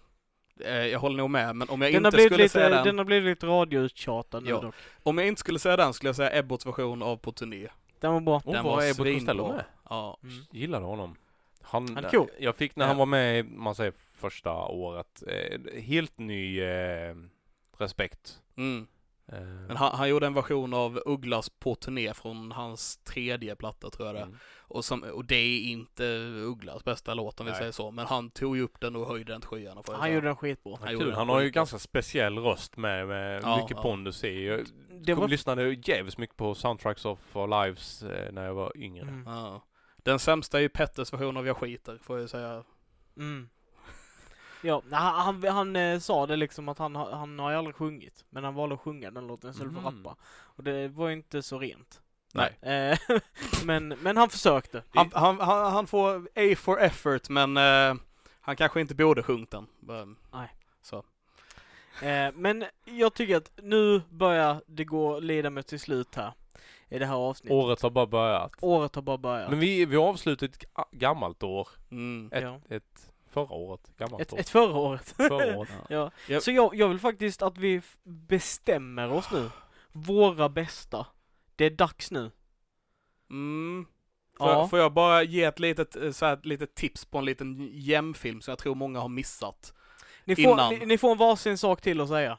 Jag eh, vill då tipsa om en film eh, som är, den är faktiskt Netflix-producerad och heter Dolomite is my name. Eh, sägs vara så här Eddie Murphys eh, comeback typ till filmvärlden. Handlar om eh, en, en äldre person i så här 50-årsåldern i Los Angeles som vill bli kändis basically. Spelas av Eddie Murphy. Eh, han har försökt sig på en sångkarriär och det funkar inte bra. Han försöker, på, försöker sig på en komikerkarriär och det funkar inte. Du vet, han, så här, han försöker liksom bli någonting men lyckas inte utan jobbar bara på någon skiva för typ. En dag kommer det in en, eh, vad är ett finare ord för uteliggare? Lodis. Lod, jag vet inte om det är finare. Det, Men du, du har berättat om detta i ett avsnitt. Har jag det? Ja. Jaha, vad fan? Ludvig var med. Ja, sitter jag här och säger den en gång till då. Ja. Men i alla fall, det är en gem som helt klart är värd att ses. Ha, handlar om Eddie Murphy som, eh, eh, eller ja, karaktären han spelar, som är, det är baserat på en sann historia, jobbar sig upp mot eh, kändisskap, eh, vinner det på, eh, som stå upp komiker efter han har baserat det på vad den här uteliggaren Lodisen sa då. Ja. Eh, och eh, får sen göra en egen film och man får liksom se hur hantverket bakom film funkar på ett annat vis som man får i många filmer. Hur det Mm. funkar med väldigt, väldigt lågbudgetfilm. Mm. Hur de basically gör inbrott i ett hotell och börjar renovera det för att få scenerna i det här hotellet och Ja, börja, ja. alltså hela den här biten. Eh, fullkomligt älskar det. Det går i samma anda som typ Ed Wood-filmen eller The Disaster Artist. Det är liksom den känslan på det och det tyckte jag var helt fantastiskt. ja. Vad kul. Ja, den har varit på, ligger alltså, som reklam hela tiden när jag startar Netflix. Så att, Den eh, är helt klart sevärd. jag får kanske våga mig på den. Den kändes lite plojig men eh, jag vill Ja. inte att den ska vara sån här The Polka King. Den är inte sån. Nej, vad skönt. Då kan jag våga ge mig på den, helt Ja. enkelt. Hade du något avslutande som du också ville prata om Linus? Den eh, var väl egentligen från eh, 2018 där, men eh, jag, jag sparar på det. Okej. Ehm, men det har kommit väldigt mycket bra animerat under 2019. Eh, serier som, som började väl i slutet 2018 och har fortlöpt under i år. Åh, Eh, Rick and Morty, förlåt. Senaste säsongen av Rick and Morty började på den igår kväll. Ehm, natt slash vad den nu slutade, jag vet inte, jag får spola tillbaka och se vad jag kommer ihåg. Har den Eh, alltid varit så tramsig? Den har varit ännu tramsigare skulle jag säga. Periodvis. Tyckte du den var tramsigare nu än vad den har varit innan? Jag fick känslan, jag tyckte, vet jag, inte. jag låg där och kollade på bara Men det här är ju, Kiss och bajs. detta är ju bara för att provocera. Ja, det, det, är, det är Beavis och Butthead fast lite roligare. Ja. Ehm, men inte, inte högre nivå på det. Nej. Men det är ändå, ändå kul. Jag har alltid tyckt det är hö- ganska hög nivå på Rick and Morty i och för sig. Både med skämten och mer existentiella frågor som de tar upp i abs- absolut. Mm. Men, men liksom, okej spoilers, i det här när det är liksom, du har sett på biten. Jag, jag har sett ja. det. Ja. Men det här när han lämnar en, eh, en maskin som bara är rumpor och ett stort rövhål i mitten som bara fiser i hela rummet på den här snubben. Sure. Det är liksom bara, Det är De- har- de-. De har grejer där uh, Justin Roiland har fått hålla i det lite för mycket, men eh, nej men så, typ sådana grejer. Eh, Ja. så började jag reflektera över, bara har det alltid varit så här? de har en hel värld med rumpor som fiser och grejer också. Ja, det är sant. Ja. Eh, men, men sen har ni ju även, eh, det är ju mycket Netflix blir det ju för det har vi ju allihopa. Eh, det finns en serie som kom mellan dagarna förra året eh, som heter Tree Below. Eh, Tre har landat eller något sånt på svenska. Inte sett. Guillermo del Toro regisserat. Kommer en säsong två också. Spelar sig i Trolljägarna-universumet. Har Guillermo del Toro gjort serien? Mm. Eller han har regisserat något avsnitt? Ja, han har gjort hela serien. Det är typ Ja. hans första animerad om jag fattar rätt. Okej, ja. Eh, jag tycker den är, eh, eller om det var andra, om man gjorde tre, den här Trolljägarna. Men jag tycker den är jättesnygg, allt går väldigt mycket blått och det är liksom lite ja, den- är, den är snygg, det är bra skrivet, det är bra relationer mellan personerna även om det är slash barnfilm. Men jag tycker den funkar som familjeserie för den är ganska spännande. Mm. Eh, lite äventyr och sånt. Sen kommer ju även Drakprinsen där i samma veva. Eh, med lite ny stil som är inne på säsong 3 nu. Också skitgrym. Eh, och sen så fanns, finns det en annan som heter Space Ja, jag vet Final menar. Space. Final Space som bara blow my mind. Den var bara underbar när den kom. Nu är säsong två ute, jag har börjat på den. Eh, Det, det är en eh, genuint skitbra det är en animerad skitbra serie. animerad serie Ja. som, som inte är så tramsig som Rick and Morty men som Men fortfarande är samma. ganska tramsig, alltså Ja. den är väldigt kul så. Det är inte det här kiss och bajs äckelskämt utan Nej. det är mer typ så här jag är dum i huvudet skämt typ så. Mm. Och Mm. Ha, ha, det är väldigt självmedvetet eh, skämtande. Och eh, lite fräck. Men nu sätter Mm. jag fan ner foten, nu är det dags att ge våra svar på vilka är det bästa från 2019? Ah, måste Vad vi? är det bästa? Ja, vi måste. För vi inledde ett avsnitt sa att vi ska berätta för er vad vi tycker har varit det bästa i år. Och nu ska vi leverera detta. Film. Vi börjar med film, bestämmer jag. Mm. Ad Astra. Oh. Den hade jag aldrig valt, men det vet du. Du kommer ihåg det. Jag var ett vrak efter den Eh, filmen. Det, jag tycker att det var en av de bättre sci-fi rymdfilmerna jag någonsin har sett. Jag har ändå sett ganska mycket för att den gjorde någonting som jag inte har sett eh, på det sättet. Och den gjorde det snyggt. Eh, även om det var ett väldigt långsamt tempo och den gav mig tid till väldigt mycket. Men jag, jag uppskattar den filmen. Både ljuddesignmässigt, visuellt var den otrolig. Eh, helt jävla otrolig. Eh, bra skådespeleri. Ja, jag, jag, jag gillar den. Det är det mest realistiska sci-fi jag har sett. Ja, det, det är nog det som Interstellar tyckte jag också var jättebra. Eh, men den här var... Ja, men det, denna kändes som att det, det är i framtiden. Alltså det var så jag kände när jag såg den filmen. Re, Det- realistisk framtiden liksom. Den kändes Ja, vä- exakt. väldigt re- som en realistisk framtid. Jag älskade vissa kameragrejer de gjorde i Mm. den och så den här biten. Eh, sen skulle jag nog inte placera den som bästa filmen i år i och för sig, men jag, jag har jättesvårt att placera den här i år. För det... Jag, jag ska faktiskt eh, ta och säga min då. Mm. Eh, och det blev, det blir Dr. Sleep. Jaha. Det blir det. Det blir Dr. Sleep för mig. Den var jättebra faktiskt. Eh, och jag, jag tyckte att den var svin, som du brukar säga Löfven, svinjävel bra. ja. Eh, Då är det riktigt, riktigt, riktigt ja. bra. Eh, Jag vill bara översätta det. För den, jag tror det var en blandning utav att den, den chockade mig. Det, den var lite ny i jämförelse med allt annat som har kommit Mm. liksom. Den var annorlunda. Eh, jag hade inga förväntningar och den bara blew my mind. Det var filmen jag inte visste att jag behövde och jag älskade det. Och eh, jag tyckte skådespelet var bra i det, jag tyckte settingen var skithäftig, jag tyckte att den här dark fantasy-spinnen på alltihopa var skitjävla coolt. Och sen så var det massa saker som var väldigt silly och konstiga, men jag tror nog att det är detta, denna filmen som jag uppskattat mest i år.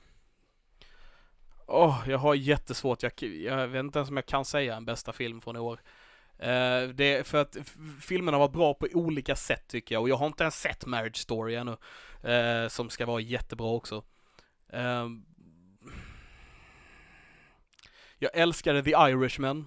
Mm. Kan jag säga, bara säga filmer jag älskade och sen så får eh, andra välja det Du får bästa. bestämma en. Nej! Jo. Sluta! En. Vi, nu är vi hårda här idag. Ja. Då säger jag ingen. För anna- annars Fuck skulle you du guys. ta, eh, du är uppe i tio stycken. Du Typ kan ju inte hur bara snabbt bryta som helst. regeln, du har vetat om att vi skulle göra detta. Men jag kan inte välja en. Du Då, ko- då kommer jag få välja, välja en så här default. Och då säger jag typ Joker. Du får säga Joker. Men jag, men jag tycker inte det är den bästa. Hoppas du är nöjd med dig själv nu. Nej. Ja, Om nu- tre avsnitt när du kommer tillbaka så kommer du vara skitsur över att du valde För, för, Joker. men jag tycker inte det är den bästa. Men jag har ju inget annat val. Du, du har ju massa val, du har ju mycket filmer som helst att välja på. Ja, men då utesluter jag någon annan. Det är ju det som är problemet. Mm. För jag hade också kunnat säga Dr. Sleep, jag hade kunnat säga The Irishman. Eh, det, Endgame är en av de bästa filmerna i år på grund av att den var så maffig. Mm. Eh, och Joker var svinbra för att den var eh, det, den var så speciell på det viset den var. Den var liksom ett karaktärs, eh, alltså en karaktärsstudie. Medan Dr. Sleep eh, hade jag en, en helt eh, enjoyment på ett annat vis på. Jag kan inte välja en som bästa film för det, jag tycker att eh, det är för många som ligger på Men- samma men- nivå på olika sätt. Men då minskar vi ner lite grann eh, dina kategorier då. Eh, om, om du skulle dela upp det lite grann då, du får lite mer att välja på. Bästa manus. För det vet jag ligger dig alltid varmt om hjärtat. Ooh. Vi, vilken har, ja.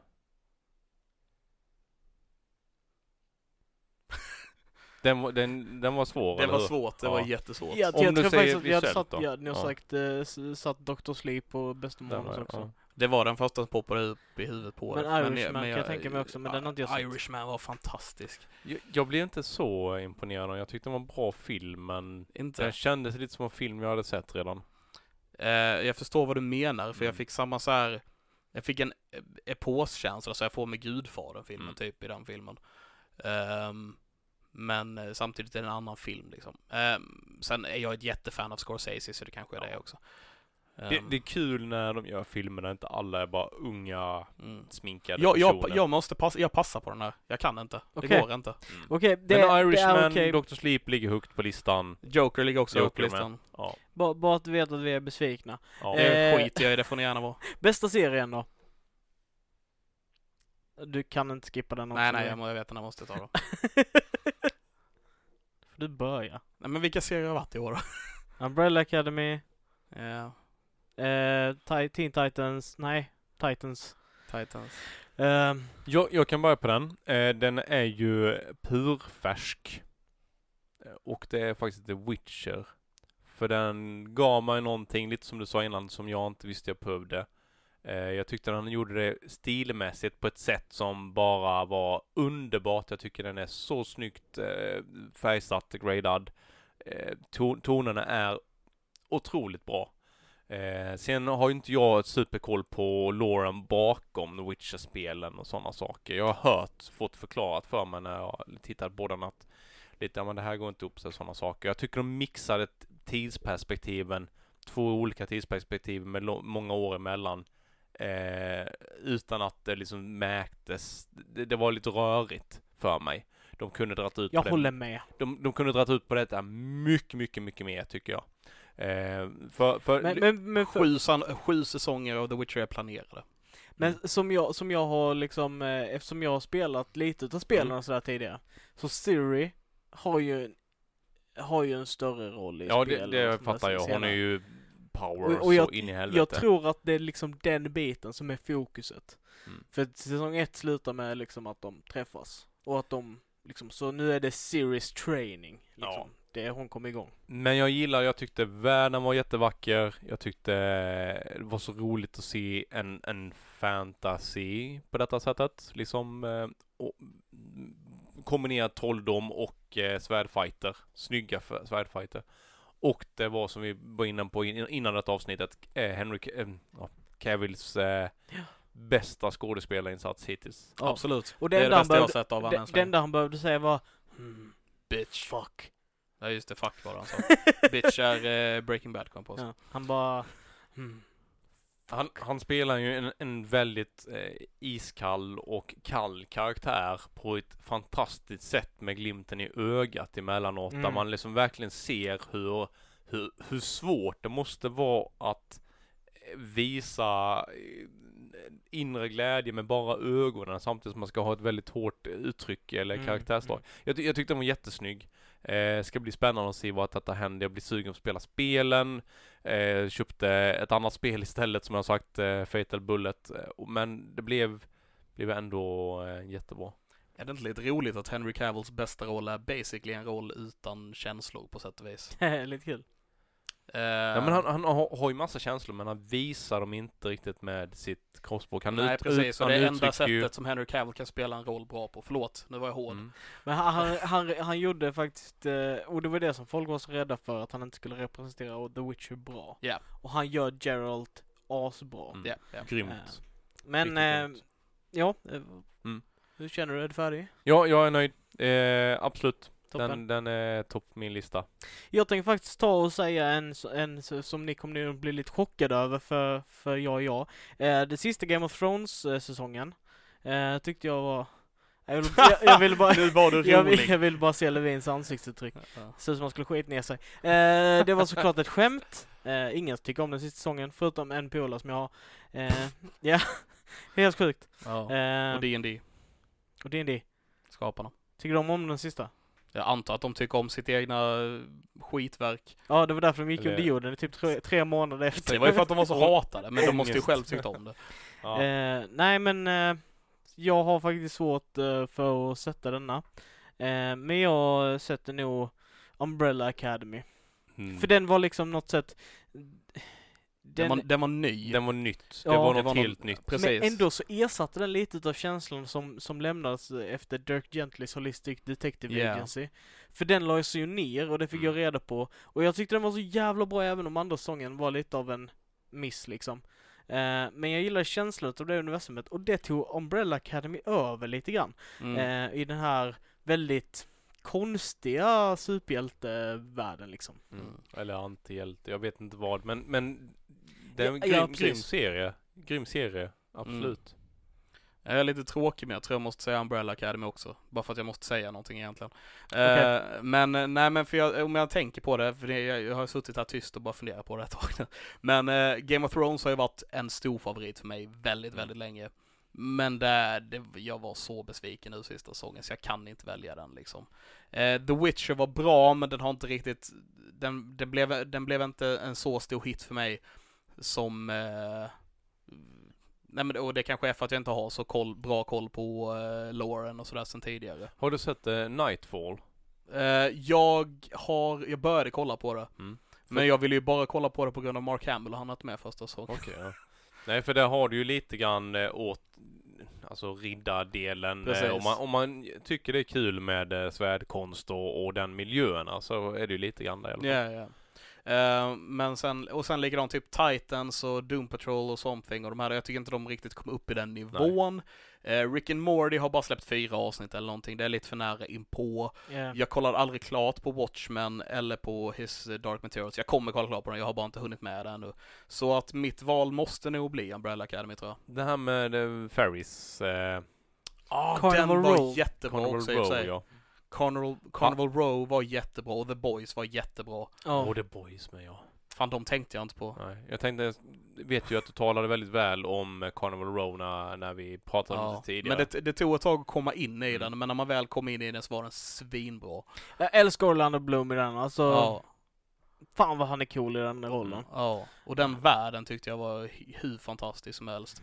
Fan också, nu fick jag ju fler alternativ, Men- för det blev ju svårt. Det, det är ju någonting som händer nu också, vi får dystopisk fantasy. Det har börjat komma dark fantasy och börjat bli Ja. liksom komma in i, i, i finrummet. Om Alltså, Ja, Sagan om ringen var lite för länge sedan Ja. nu liksom, så nu börjar man komma vidare lite grann. Alltså bara varit skämtserier och, och humor eller deckare liksom. Men nu, nu finns det någonting annat också. Och det, jag tyckte det var jättekul när de kom med just eh, eh, Umbrella Academy för det såg lite frö till andra serier i dess anda då som vi Mm. pratar om Titans och så vidare. Men, ja, äh, så, Carnival Row och The Boys var fantastiska också. Fan, nu vill jag nästan säga dem. Men jag tror fortfarande, jag tror jag håller mig, bara för att jag måste säga någonting.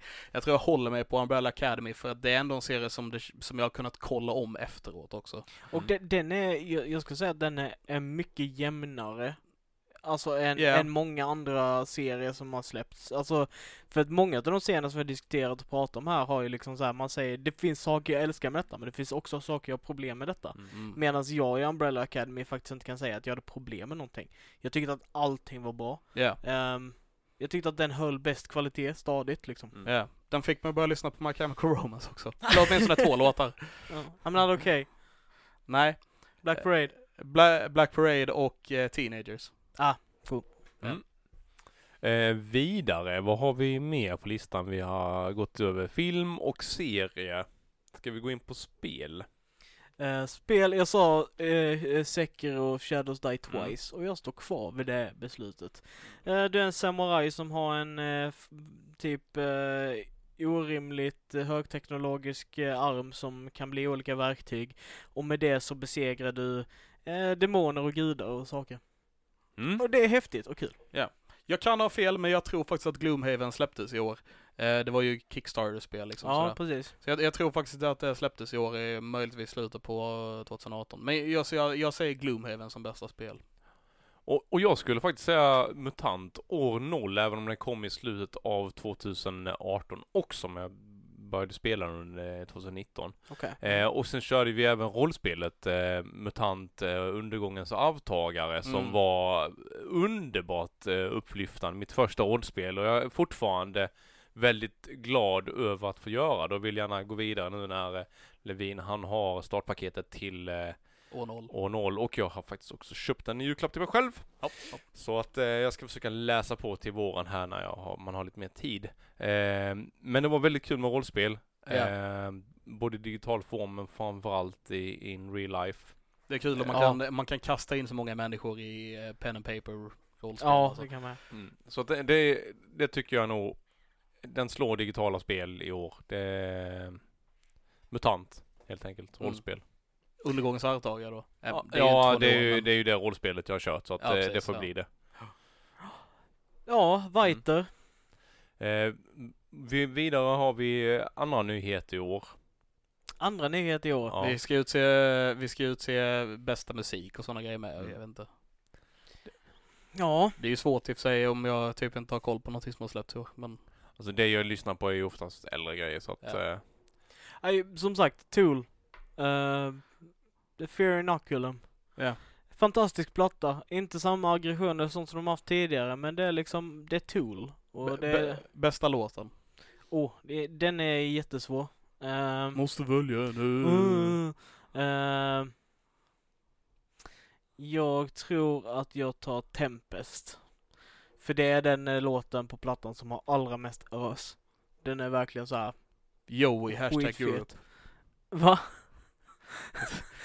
Jag bara kommer att tänka på eh, frontmannen i Europe, eh, heter Joey Tempest. Jaha, ah, okej. Mm. Vad är det Mm. Ja, nej, eh, ja men så, så den är, den är riktigt, riktigt dunderfet men alltså som, som de flesta grejerna, om, om man är Tool-fan, om man gillar Tool, så man kan bara sätta igång en platta och låta den spela och liksom en, man behöver inte göra någonting annat. Ja.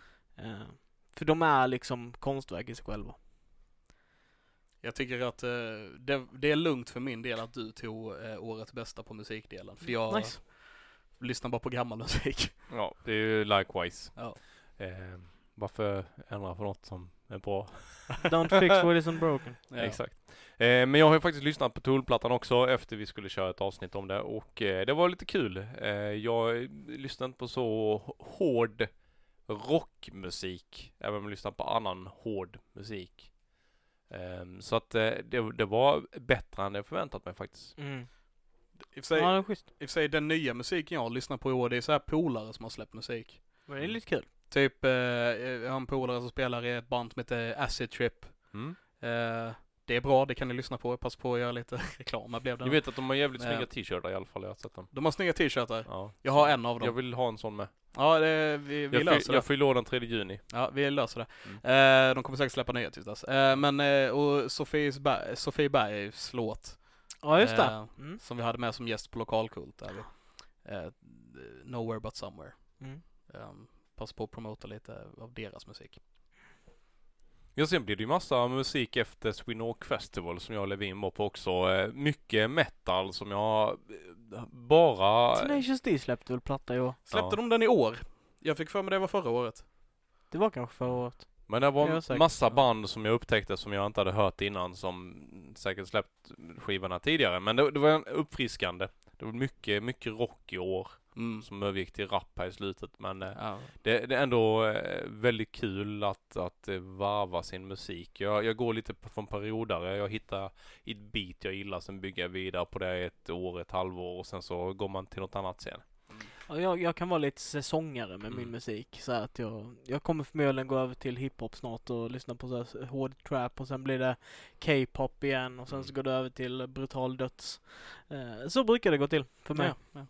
Mm, ja, det är roligt i alla fall. Eh, har vi något mer än musik? Jag vet inte. Ja, Jag känner mig ganska så uttömd och nöjd. jag tror det. Att jag känner mig uttömd och nöjd. Utetömd, det låter så hemskt som att ni har typ bara släppt.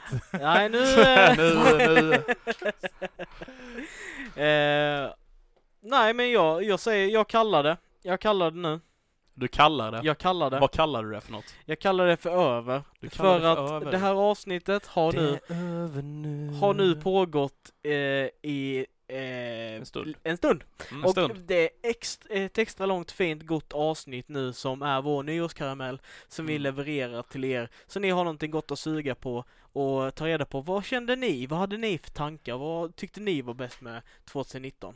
Och i sann anda som vi brukar köra så hoppar jag vidare nu och fortsätter programmet. Vi, vi har ju inte hunnit prata om lite vad vi ser i, i framkant här på 2020. Vad kommer hända? Vad ser vi fram emot? Vad vi vill vi ha? Vi har ju perfekt syn faktiskt, så Ja. Oj. Spel, det är ju jättemycket spel på gång som har utvecklats under väldigt många år. jag ser fram emot nya Ghostbusters, eh, Black Widow-filmen, Och det Eh, ja, fan, jag är så taggad. Nya Ghostbusters, eh, du vet Bill Murray Ja, och Dan. Aykroyd och de här är tillbaka. Inte, inte Harold Ramis då, han dog ju. Mm. Men, eh, och sen är det Ivan Wright, Ivan Reitman gjorde ju, eh, han regisserade de första filmerna. Han har ju också dött tror jag. Men hans son ska i alla fall göra den nya filmen nu och sådär. Mm. Så jag är riktigt taggad på nya Ghostbusters. Jag är ett Ghostbusters-fan om ni inte vet Det, om det det. är ju bra. Precis. Har varit bra. Tradition är att se. Ghostbusters-filmerna på nyårsdagen. Så nu kan alla börja med det. Mm. Who you gonna call? Ehm, ja, ehm, ja, men det är, det är massa filmer som kommer släppas som jag är taggad på. Det- Men eh, kommer... Det känns som att det kommer mind. vara ett, ett högkvalitativ eh, filmår. Mycket som varit på gång länge. Mm. Eh, så det ska bli lite spännande att se eh, och, vad som kommer. Eh, Sen är jag ju sjukt taggad på att se Mandalorian när det väl Ja, kommer till alltså Sverige, Disney liksom. plus. Ja. Snälla. Alltså jag, har sett så många Baby Yoda-memes och grejer. Jag måste fan se Mandalorian. Men, men det kommer ju även bli flera där. Det är ju även, eh, vad heter han? eh, Winter Soldier och Hawk Ja, ja, eller vad han heter. serierna Ja. och det kommer ju också. Det kommer, kommer mycket serier som, som är bra, som bygger på eh, historier som vi gillar. Mm. Loki-serien är jag taggad på, och Ja. WandaVision. Det ska komma en Sagan om ringen-serie också. Ja, som eh, Prime gör. Ja, så att det, det, det kommer väldigt mycket här så att det ska bli asfräckt. Ja. Eh, jag ser också fram emot att eh, kanske lägga lite mer tid på rollspel i år och, och lära mig den delen. För eh, jag, jag tyckte det var skitkul när jag gjorde sist. Sen har jag inte haft riktigt tid till det men det ska bli lite mer tid i år. Mm. Ehm, f- för det var, det var asfräckt. Eh, vi har Comic Con Göteborg till våren om inte jag minns fel. Mm, Stockholm till hösten är det kanske? Ja, det brukar väl vara typ Runt Halloween här för mig. Ja. Eh, Göteborg hoppas jag att vi kan åka till. Ja. När det... Jag vill till alla sådana grejer. Ja. Jag vill till Comic Con i San Diego också. Men det är ju så här en, en bucket list grej. Vi säger preliminärt, får vi se vad som faktiskt händer. Det hade, Ja. va- hade varit jättekul om vi får möjlighet att åka hela gänget och, Ja, och köra verkligen. ett avsnitt om, eh, om Comic Con. Ju närmare, men det blir så, ju närmare det kryper desto mindre tid inser man att man har att göra de Mm. grejerna. Men maj är det nog bara i Ja. Göteborg om jag inte maj. Mm. Eh, så det har varit kul att köra en roadtrip och, och sen diskutera lite grann vad som trendar. Och vad jag tycker jag ser i alla fall i Sverige det är att eh, cosplay är en växande Åh ja, det växer eh, jättemycket, i Sverige. Och, och framförallt att man, man ger lite mer respekt för den genren av, av intresse. Att det här do it yourself, creative stuff, eh, att, att man, man ser hantverket i det. Lite som jag var inne på innan, att, att jag tror att 2020 blir liksom ett hantverksår, att man går tillbaka till crafting och Mm. eh, Pen and hantverk, paper med paper. Du rollar 20 för Eh, 2020. du, du lagar mat från grunden, du brygger eget öl, alla de här grejerna. Mm. Eh, kanske kan prata ölbryggning också under året. Alright, Mm. men vi får ta och avsluta nu. Eh, vi, eh, med det här avsnittet så tackar vi för år 2019 och vi välkomnar 2020. Hörs snart igen. Syns. Jag vet inte hur mycket vi syns, men vi hörs snart igen. Farväl! Ha det gott! Hej då! Hej, hej då! Jag ville ju att alla skulle säga det samtidigt, men ni gjorde inte det. God Hej då!